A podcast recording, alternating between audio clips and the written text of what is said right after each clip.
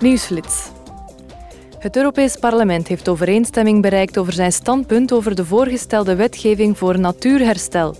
Het parlement pleit voor het herstel van ten minste 20 procent van de land- en zeegebieden van de EU in uiterlijk 2030.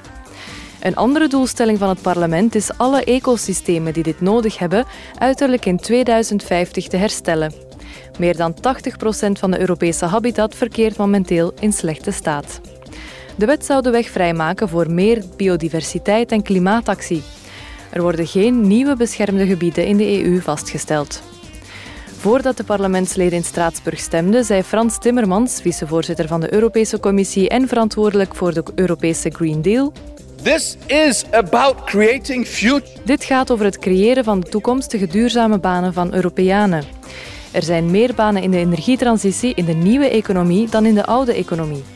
Verkoop mensen niet de misvatting dat je ze een toekomst biedt door ze aan het verleden te binden.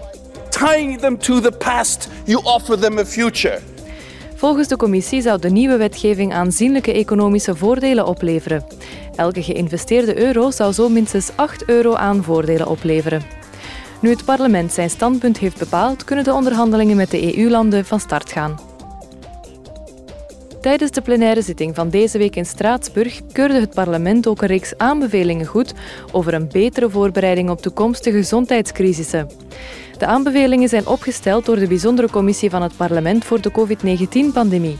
De betrokken leden van deze commissie hebben het afgelopen jaar de gevolgen van de crisis geanalyseerd, in het bijzonder de lacunes en zwakke plekken in de Europese gezondheidssystemen.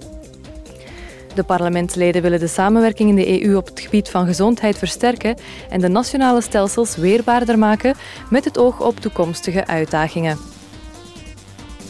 Morgen vieren we de Werelddag van de Vaardigheden van Jongeren. Het thema van dit jaar is Skilling Teachers, Trainers and Youth for a Transformative Future. Het benadrukt de essentiële rol die leerkrachten spelen om jongeren te helpen de arbeidsmarkt te betreden en betrokken te raken bij hun gemeenschap en samenleving.